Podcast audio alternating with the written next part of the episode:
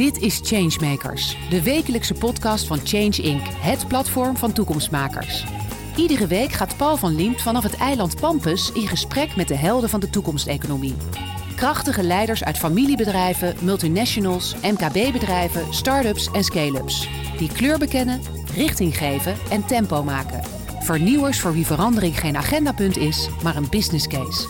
Want morgen wordt vandaag bedacht. Hugo van Donselaar is CEO van Campspace. En via dat platform kunnen mensen bijzondere overnachtingen boeken op kleinschalige kampeerplekken.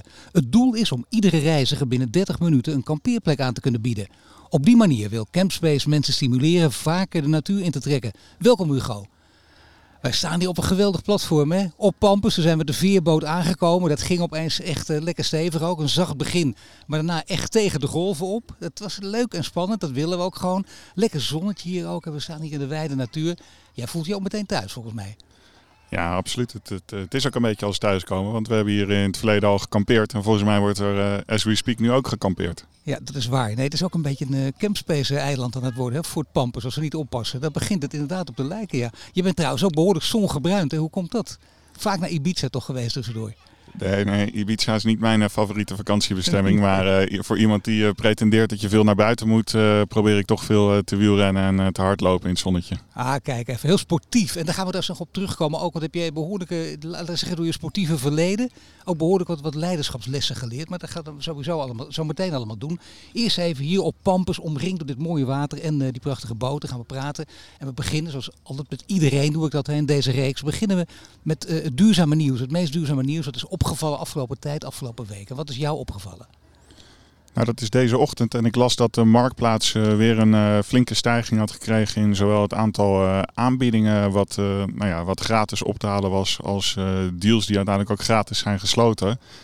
Ja, dat is natuurlijk super positief dat minder mensen dat naar de stort brengen en een tweede leven inblazen, zonder dat ze dat per se alleen maar met de drijfveer doen om geld te verdienen. Ja. Dus dat is denk ik een nou, van speelgoed tot, uh, uh, tot tuinsets, et cetera. Een supergoed idee dat, dat mensen dat niet weggooien naar de stort. Ja, wel opvallend vond ik dat inderdaad. Hoe, verklaar je dat? Want er wordt toch altijd geroepen van het is allemaal heel belangrijk en goed, maar het is maar een heel klein percentage van de mensen die het doet. Maar het lijkt erop alsof er een echte gedragsverandering gaande is.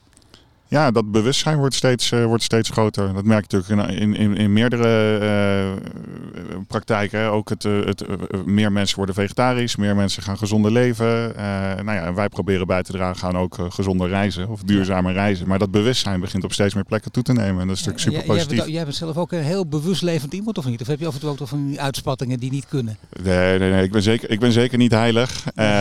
ik, ik ben bijvoorbeeld nog geen vegetariër. Dat, dat moet wel nee. heel snel gaan gebeuren. Ja, dat dat, dat neem ik mezelf ook zeker kwalijk. Ik denk wel dat ik een hele duurzame reiziger ben. En natuurlijk via ons bedrijf proberen we heel veel, heel veel impact te realiseren. Ja, zeker natuurlijk. En, en af en toe uh, voor de lol wat drugs gebruiken of doe je daar niet aan?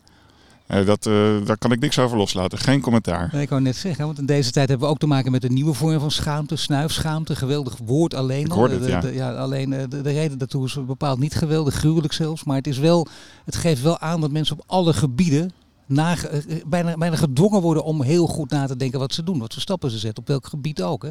Ook in je persoonlijke leven. Ja, absoluut. Maar ook als jij, uh, uh, maar misschien zit ik dan niet uh, politiek correct te praten hier, maar als jij snuift, dan moet je heel goed beseffen dat je ook op een bepaalde manier bijdraagt aan de business, waar natuurlijk het vreselijke incident met Peter R. de Vries nu aan gelinkt wordt. Dus het is heel goed dat rondom al dit soort zaken in ieder geval steeds meer bewustzijn ontstaat. Nou, maar daarmee vond ik het marktplaatsnieuws een, een hele positieve opsteker. Ja, zeker. En, en, misschien het verhaal, ik kan wel zeggen, zeker het verhaal van jou ook. Hè? Gekozen tot changemaker van de week en niet voor niets. Aardig om even de, iets over de ontstaansgeschiedenis te vertellen van Campspace. Ja, Um, een van mijn medeoprichters, Alexander, die reed uh, een paar jaar geleden met zijn vriendin door Australië met een, uh, met een camper. Nou ja, met het vliegtuig naar Australië en met een camper rondrijden is niet per se heel duurzaam. maar daar was hij alle massacampings uh, meer dan zat. Um, en je hebt daar ook heel veel camperplaatsen. Dat zijn een soort veredelde parkeerplaatsen met een stekkerdoos. En hij nam de proef op de som door aan te bellen uh, bij mensen die een fantastisch stuk land hadden om daar te kamperen. En uh, tot zijn grote verbazing werd hij uh, binnengelaten, werd, hij, werd de plek met de mooiste zonsondergang werd hem aangewezen. En de volgende ochtend kreeg hij een ontbijt op camperbed. Kijk aan. En toen kwam hij terug in Nederland en toen heeft hij mij en nog twee anderen erbij gehaald en zijn we Campspace begonnen. Ja, dat, nee, het klinkt bijna te mooi om waar te zijn, maar zo is het. Hè? Echt een mooi romantisch verhaal. Maar waarom sloot jij meteen aan? Want het is, je zegt, ik doe het meteen. Het klinkt als een geweldig verhaal, maar meer dat je denkt, je bent heel enthousiast als je het hoort. Maar vervolgens heeft het genoeg consequenties. Je gaat echt ondernemen voor eigen rekening en risico. Je neemt nogal wat stappen.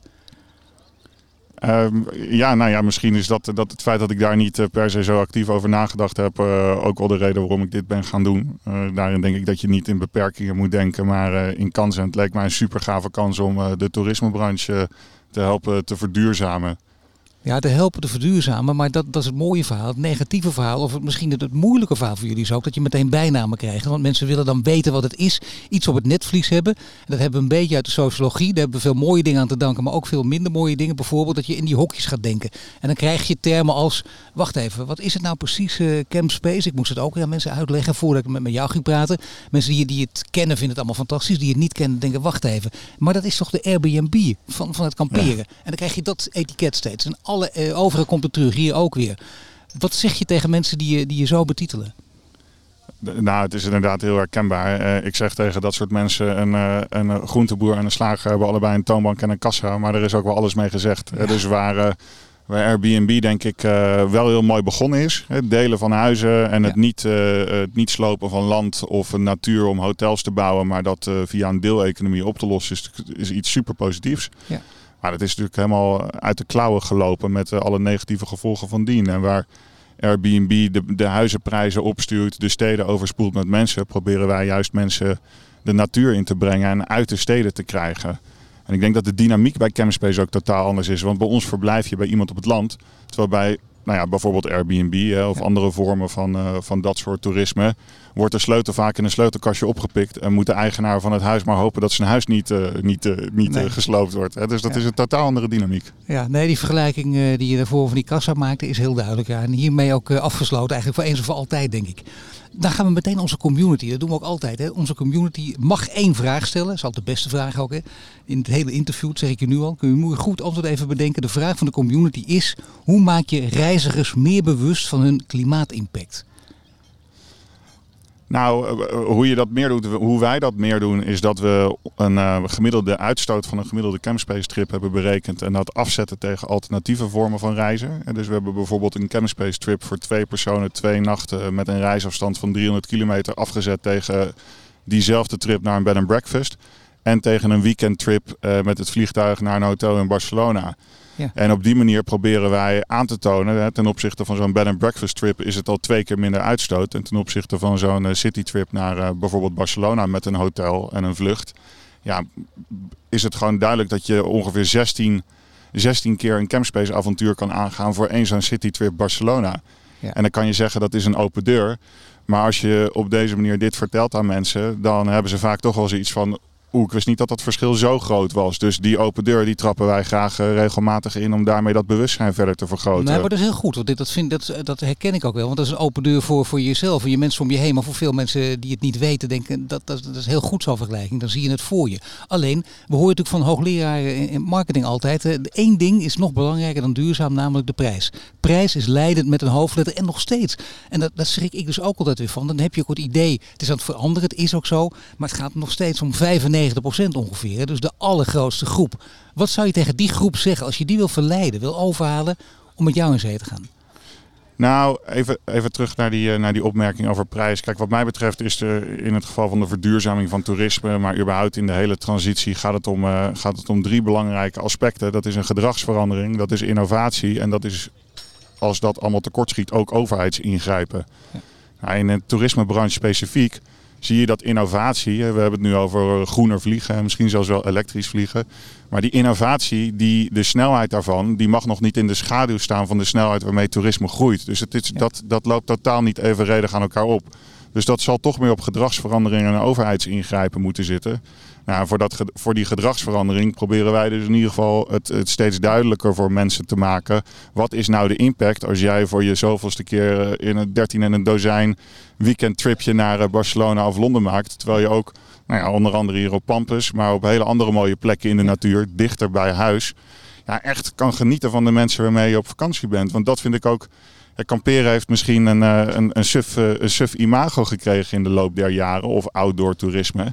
Maar het karakter is natuurlijk ijzersterk. ANWB stellen. Ja, dat, dat, dat Allebei werkt. in het blauw gekleed. Ja, dat, dat is natuurlijk niet, uh, niet positief. Uh, dat, dat, zou ik zelf eerlijk gezegd ook niet willen. Mijn vriendin moet vooral een andere kleur jas houden dan, ja. dan ik. De ANWB stellen luisteren ook, luisteren ook naar ons. Hè? Hele aardige mensen. Ja, ja absoluut. En die zijn ook van harte welkom bij, bij Campspace. dus dus daar, is, daar is in die zin niks mis mee. Maar dat bewustzijn creëren. Hè, je had het net over snuifschaamte. Maar of nou over snuifschaamte of, uh, of vegetariër worden gaat. Het start allemaal wel bij veel meer bewustzijn. Ja, tot je maar niet gaat denken dat, uh, dat je je schaamt dat je leeft. Hè? Want dat, dat gaat weer heel erg ver. Maar ik snap wat je bedoelt. Het gaat steeds meer die kant op. Maar toch uh, nog één vraagje over. Want kijk, mensen die dit horen denken, wacht even. Zeker als, als ze het hebben meegemaakt. Want dat is mooi. Die ken ik gelukkig ook. De mensen die het hebben gedaan, die zijn allemaal super enthousiast. Dus het zijn ook meteen je beste ambassadeurs. Dat is ook een heel goed teken. Alleen ja, uh, mensen die het nog niet weten denken, wacht even. Die, die, die Hugo van Donseleid zit een beetje mijn vakantie af te pakken. Um, nou, ik denk, niet dat, ik denk niet dat wij een alternatief zijn voor de Bali-vakantie. Als, je, als je besluit om in het vliegtuig te stappen, dan zou ons advies altijd zijn om heel lang op pad te gaan. Omdat je dan je transportuitstoot over een zo groot mogelijke periode verdeelt. Maar ik denk dat wij eerder een alternatief zijn voor je weekendje weg, voor je weekendtripje weg naar Barcelona, Londen, Venetië. Maar dat we ook niet alleen in die reisbranche denken, maar dat wij heel erg veel meer denken in buiten zijn met de, wensen, met de mensen waarvan je houdt. Dat is gewoon een heel belangrijk onderdeel van een gelukkig en gezond leven. Dus ga vaker door het jaar heen naar buiten toe, dichter bij huis. Uh, en geniet en voer weer echte gesprekken met de, met de mensen waarmee je op pad bent of met de verhuurder. Nou ja, ik moet zeggen, wij maken hier net ook een rondje weer over, over Pampus. Ziet er prachtig uit. Hele mooie tenten ook. Uh, die jullie dus hier uh, ook een tijd hebben gehad. Jullie hebben ook meegewerkt geloof ik aan de verduurzaming van de toiletten. Dat gaat nog niet helemaal de goede kant op, maar er lagen wel zonnepanelen vast op. Maar je kan er nog niet een grote bolus neerkakken. Uh, niet met oh. doortreks volgens mij. Nee. nee. maar goed, dat is de volgende stap. Maar het betekent dus wel dat, dat als je dat voor je ziet en je ziet dat ja, dat, dat, dat is een geweldig alternatief inderdaad voor al die andere mogelijkheden die je nu noemt. Hè? Ja, dus dicht. Je vroeg van wat zou je tegen die mensen zeggen? Nou ja, ja. ga dicht bij huis, in de natuur op vakantie, uh, bij locals. Laat je inspireren door wat die lokale verhuurders zeggen. En geniet ook van de eenvoud je wordt niet gelukkiger als je heel lang in een vliegtuig zit en in een airco gedreven hotel zit en vervolgens gejaagd door een stad heen raast met een foldertje wat je van de receptie hebt meegekregen. Ja, dat, is, dat wordt in steeds uh, toenemendere mate onbegrijpelijk dat mensen dat ontspanning vinden. Dus geniet van die natuur en die eenvoud dichter bij huis. Ja, en, en connect weer met elkaar. Nee, dat is mooi dat je dat zegt, omdat ik denk, uh, ik ken ze in mijn omgeving ook, dat een aantal mensen die dat helemaal niet leuk vinden, maar dat is, ja, dat is dan toch een beetje zoals we zijn, kuddedieren, dus ja, anderen doen het ook, dan doe ik het ook. Ga eens een keer uh, wat anders doen, ga eens proberen iets wat je, uitproberen wat je zelf echt prettig vindt, natuurlijk. Nu is het wel zo dat de toeristenbranche heeft harde klappen gekregen, keiharde klappen gekregen. En uh, ook door corona. En die krijgen dan dit er ook nog eens bovenop. En die moeten ook nog door de overheid aan regels worden gebonden. Waarom kunnen ze het gewoon niet zelf doen? Um, wat is je vraag precies? Nou, dat. dat ze niet, waarom kunnen ze niet gewoon zelf doen? Verduurzamen. waar, waarom moet de overheid ingrijpen? Waar moet de overheid regels stellen? Waarom kunnen ze niet gewoon zelf doen? Omdat ik denk dat veel reisbedrijven uh, de afgelopen jaren hebben gezien met die groeiende, groeiende stroom aan toerisme, dat er gewoon vreselijk veel geld valt te verdienen uh, aan, uh, aan toerisme. Hè? Dus zolang die financiële wortel ervoor hangt, zullen ze heel erg hard daarvoor blijven rennen.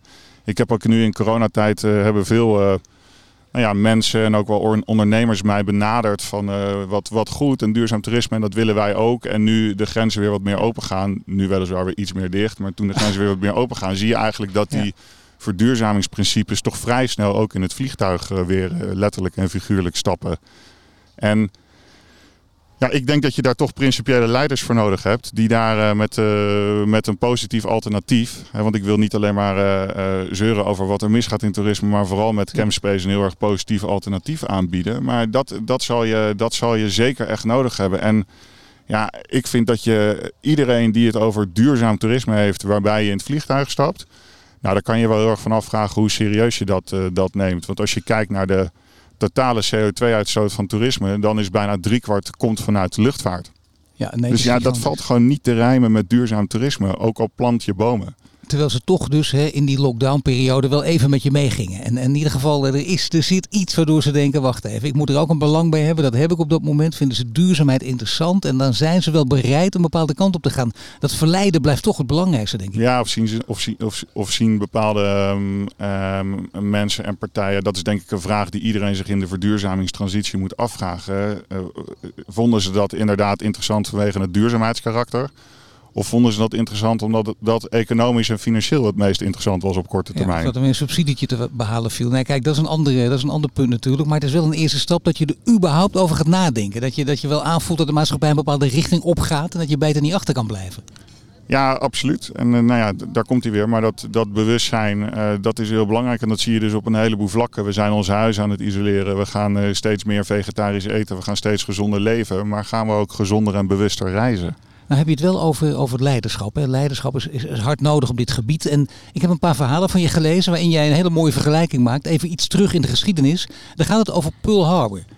En dat is uh, de aanval van de Japanners op de Amerikanen in 1941. En dat is uh, op Hawaii daar een militaire basis. En dat vind jij een belangrijk verhaal om iets over leiderschap te zeggen. Waarom? Ja, dat is een onwaarschijnlijk uh, belangrijk, belangrijk verhaal. Dat is uh, een van die knoppen waar ik het over heb, waar je op kan drukken in die energietransitie, overheidsingrijpen.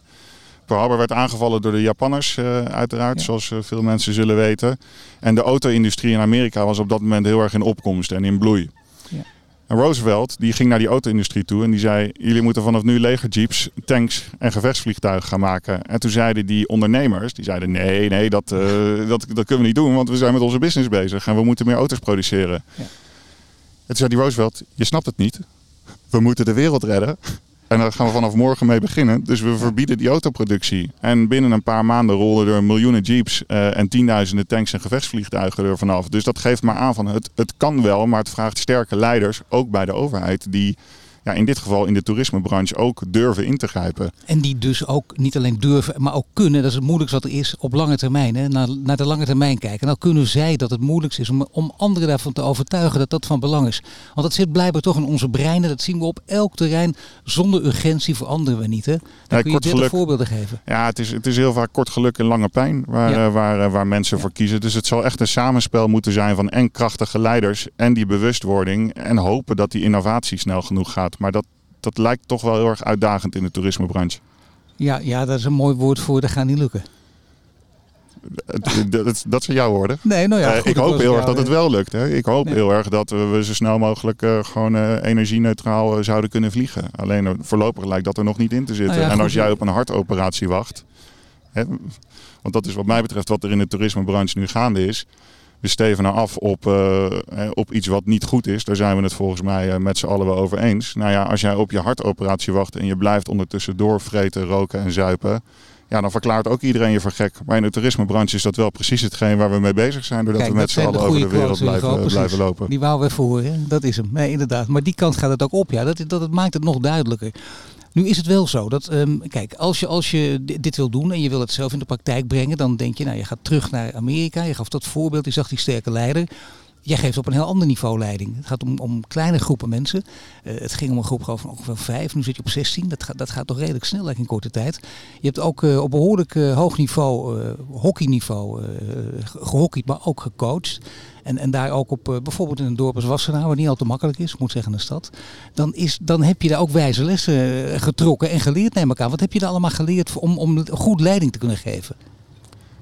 Nou, dat vind ik heel erg leuk aan Campspace. Dat we, zeker omdat we voorlopig echt nog wel een seizoensbusiness zijn.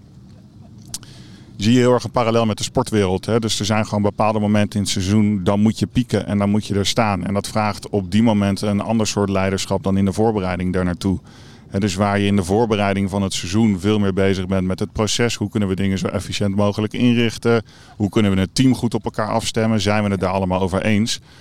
Dat is allemaal leuk, dat is heel belangrijk. Maar uiteindelijk gaat het om de punten. En ja, uiteindelijk gaat het erom dat we in het hoogseizoen presteren. En tijdens dat hoogseizoen, ja, dat vraagt ook weer in mijn beleving een andere, andere vorm van leiderschap. Want in de finale van een, uh, van een voetbal, hockey, volleybaltoernooi ga je ook niet eindeloos met elkaar zitten discussiëren. Maar moeten er knopen doorgehakt worden en moet je stappen met elkaar zetten zodat je die wedstrijd wint. Nou zie je wel heel veel leiders die, die zeggen dat ze durven, maar als ze eenmaal op die plek zitten, dan worden dat echt ongelooflijk, als ik het even zou mag zeggen, hele softe watjes. Waar je eigenlijk niet op zit te wachten. Dat je denkt, ja maar wacht even, je bent toch een leider, je kunt toch iets zeggen, welke kant gaan we op? En ook in samenspraak, maar hoe, hoe probeer jij dat te doen? Wat voor type leider ben jij? Nou, ik, ik, ik weet niet of ze mij als softie, uh, softie zouden omschrijven. Ik weet ook niet of ze mij als kaarde pitbull zouden omschrijven. Maar hoe ik dat ik probeer... Ik denk geen softie. Ik heb jij nou even mogen leren kennen gewoon. Hè. We hebben ook zitten eten. Ik heb een beetje met je zitten praten. Ik bedoel, je, je hebt hier goed over nagedacht. Je durft ook knopen door te hakken. Um, ja, dat probeer ik wel. Maar tegelijkertijd probeer ik ook wel. Ik weet dat ik uh, daarin af en toe soms uh, direct en vrij Hollands kan zijn. En uh, probeer ik ook mensen om me heen te verzamelen. Binnen dat hele gemotiveerde, gave team van 16 man. Ja.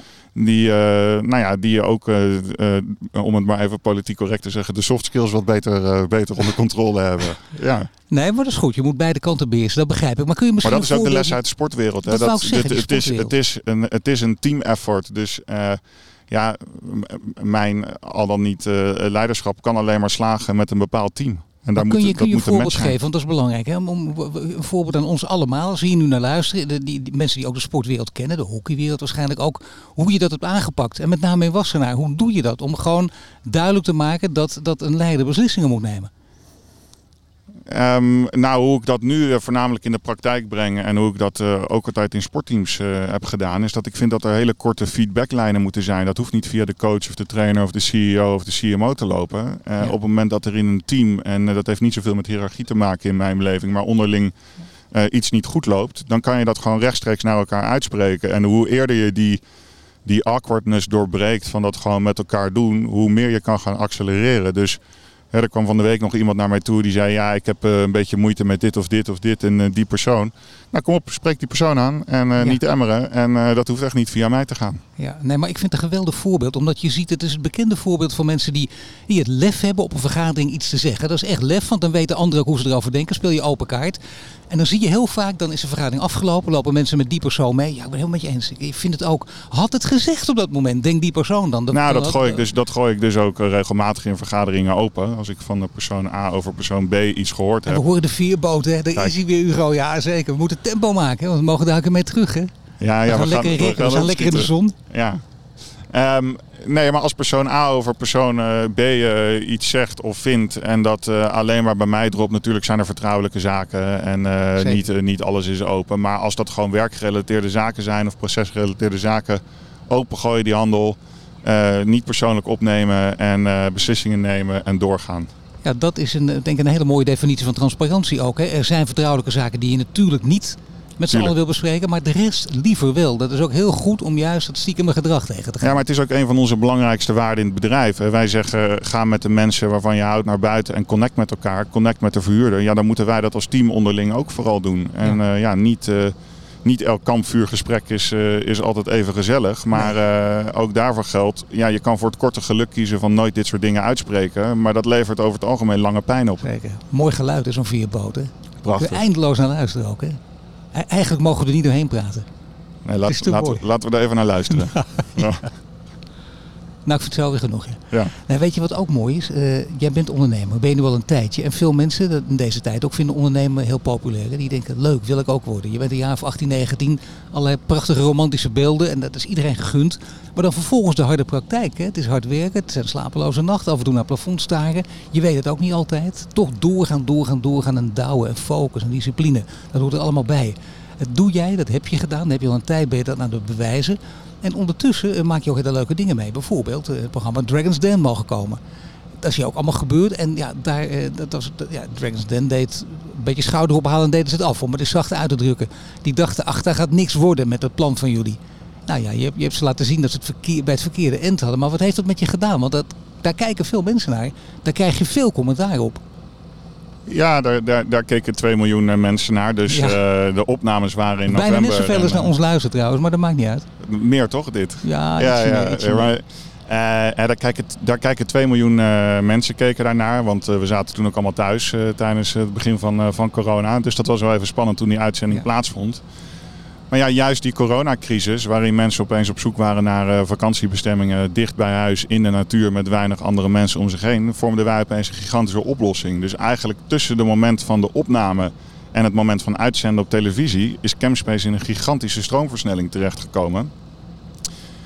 En wat mij betreft is dat ook niet alleen maar corona gerelateerd. Hè? Want dat back to nature, back to basic, bewuster reizen, ja. vliegschaamte zijn allemaal trends die daarvoor al gaande waren. Maar die nu door corona, dat is denk ik een van de positieve punten van corona, naast alle vreselijke ellende. Ja. Uh, maar is dat er ook een aantal trends in een stroomversnelling is geraakt, waaronder het, het bewuster reizen? Nee, het is enorm versterkt, eh, mag je gerust zeggen, ja. Nu is het zo dat, kijk, het is niet alleen zo dat je, dat je in zo'n programma zit, dat het, het lijkt dan negatief, omdat je, ja, je, je wint niet. Maar je krijgt heel veel goede reacties. Je weet dat je op het goede spoor zit. Maar dat zul je niet altijd denken. Dat hebben alle ondernemers. Die hebben ook ondernemersplannen. Er komt ondertussen corona ook tussendoor.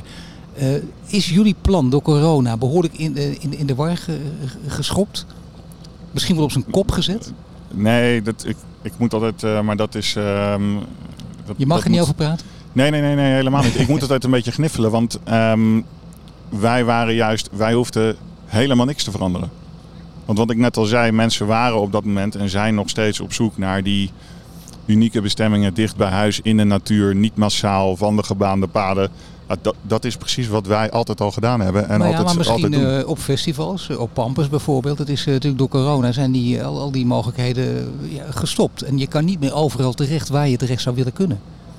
Nee, maar met die festivals waren wij eigenlijk voor corona al gestopt. Die hebben we met name in het begin van, uh, van uh, de start van Campspace gedaan om naamsbekendheid te vergaren. Uh, en de focus daarna is veel meer verschoven naar het platform opschalen en meer aanbieders op het platform krijgen. En daarmee ook meer, meer gasten.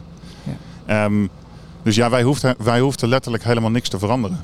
Ja, nee, dat is een hele, dat is een hele, hele fijne belangrijke. Dus dat betekent Sterker nog, uh, we zijn toen ten opzichte van het, uh, het jaar voor corona keer 11 gegroeid. En uh, op dit moment zijn we ook keer, keer 5 aan het groeien. Dus we groeien gewoon ontzettend hard. Maar dat is interessant, hè? want dat, wordt een, dat is een hele mooie fase. Dan, daar, ga je, daar ga je van genieten ook. En dat, dat is goed voor het zelfvertrouwen. Maar dat vasthouden, dat is weer de les uit de sportwereld ook. Hè? Moeders toch wat er is. Ik bedoel, je staat in de top en blijven maar. Ik durf het bijna niet te zeggen, omdat het te, maar het is wel waar. Het is wel waar als je het zelf meemaakt. Met, uh, met de teams waar ik in gespeeld heb, uiteraard niet met de teams die ik gecoacht heb, maar de teams waarin ik gespeeld heb, zijn we uh, regelmatig kampioen van de voorbereiding geworden. En dat viel dan in het seizoen altijd een beetje tegen. Ja. Dus dat momentum vasthouden is absoluut uh, super nee, daarom, belangrijk. Daarom, dat, daar ja, gaat het om. Ja. Maar wat, wat doen jullie? Hebben jullie ook een plan waarin je bijvoorbeeld een jaar of drie voor uitkijkt? Is, is dat hard nodig of niet?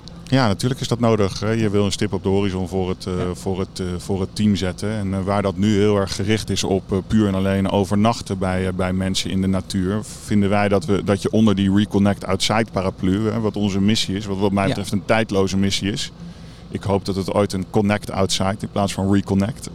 maar goed, dat is een andere, andere discussie. Maar onder die paraplu kan je nog veel meer dingen hangen. Van activiteit tot duurzaam type vervoer, tot uh, druiven plukken, vogels spotten. Dus onder die paraplu valt veel meer te hangen. Um, maar dat is echt een team effort, uh, hoe we die stip op de horizon zetten. Maar dat we met dit door zullen gaan, naast de, de groeicijfers, krijgen we gewoon onwaarschijnlijk veel positieve feedback van al onze gebruikers terug. Maar zijn er ook nieuwe ontwikkelingen? Kun je daar al iets van prijsgeven? Want ik weet dat ondernemers niet altijd hun hele plannen willen ontvouwen. Dat begrijp ik ook. Maar een paar leuke dingen nu, nu we toch hier staan. Nou, we zijn vrij goed vertegenwoordigd in uh, Nederland, uh, België en Duitsland. En in de UK uh, groeien we ook. En zal ik jou dan de teaser geven dat we een, een overname zojuist hebben afgesloten in, in Denemarken. We hebben in het verleden al een club uit de UK en uit België overgenomen. En eh, eh, vers van de pers. Maar uh, de, Deense, uh, de Deense club Heekamp hebben we, hebben we overgenomen en zullen we onboorden bij ons op het platform. Oh, wow, kijk, dat is even groot breaking news. Hè? Dat is belangrijk. Nee, maar dat is een hele mooie grote volgende stap als je dat gaat doen ook. Hè? Dat ja, zeker omdat de Duitse, ja, de Duitse markt is gewoon een hele grote markt, ook als het gaat om outdoor toerisme. En uh, je ziet dat, uh, dat outdoor toerisme voor een heel groot gedeelte binnenlands plaatsvindt en anders direct naar de landen om, uh, om dat land heen. Dus Denemarken is ook voor die Duitse gast is gewoon een super interessant land. Daar geef je trouwens ook mee aan dat het heel goed gaat. Dat je dit gewoon kunt, dat je dit gewoon uh, financieel kunt verantwoorden ook. Ja, natuurlijk. We proberen dat, uh, dat wel, uh, wel slim te doen. En, het is niet zo dat, dat het geld bij ons altijd tegen de plinten klotst. En we zijn afhankelijk van investeringen. Maar daar proberen we wel zo goed mogelijk mee, mee om te gaan. En het aanbod voor grote middels overnames is een van de strategieën die we daarin bepaald hebben. Groter aan het groeien ook. Mensen die, die Campspace niet kennen, ja, die, die, die kun je tegenwoordig eigenlijk zeggen, dan heb je gewoon niet geleefd. Dan weet je niet wat er speelt in de wereld. Hè? Want jullie worden steeds bekender en groter. Dat moet iedereen weten. Zeker na dit verhaal. Eh, ik heb wel nog één ding wat ik van je wil weten. Als jij nu zelf op vakantie gaat met je vriendin, gaan jullie dan naar een uh, vijfsterren hotel? Nee, nee, nee, nee, absoluut Lange niet. vakantie? Nee. Nee, wij, eh, ik, ik moet eerst kijken hoe het hoogseizoen loopt. En ehm, eh, vermoedelijk eh, stappen we dan in haar eh, Fiat 500'tje. En dan rijden we een beetje richting eh, België, Frankrijk. En eh, gaan we wat campspaces bezoeken. En eh, misschien boeken we voor mijn eh, luxe vriendinnetje ook nog een week een, een vakantiehuisje. Oh, toch? Eh, dus ik moet af en toe ook concessies doen. Maar we stappen zeker niet in het vliegtuig. Nee, dat, eh, dat heb ik echt wel maar eh, vriendin zo gaat goed als boven alles. Vriendin gaat boven alles, hè? Dus als zij zegt, ik wil toch een keertje naar Nieuw-Zeeland, dan gaat het toch één keertje gebeuren. Zij kan toch naar Nieuw-Zeeland gaan? Een lange vliegreis. Ja, In er eentje. misschien, misschien moet ik met een vrachtschip mee dan. Oké, dank je voor dit gesprek. Hugo van Donselaar.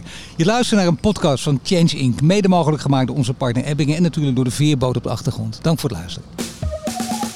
Bedankt voor het luisteren naar de Changemakers podcast. Een productie van Change Inc. gepresenteerd door Paul van Liemt.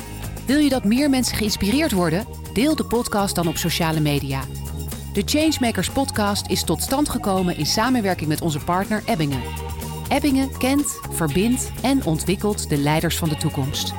Wil je meer afleveringen luisteren? Abonneer je dan nu via je Spotify, Apple Podcast of je favoriete podcast-app en krijg een melding wanneer er een nieuwe aflevering online staat.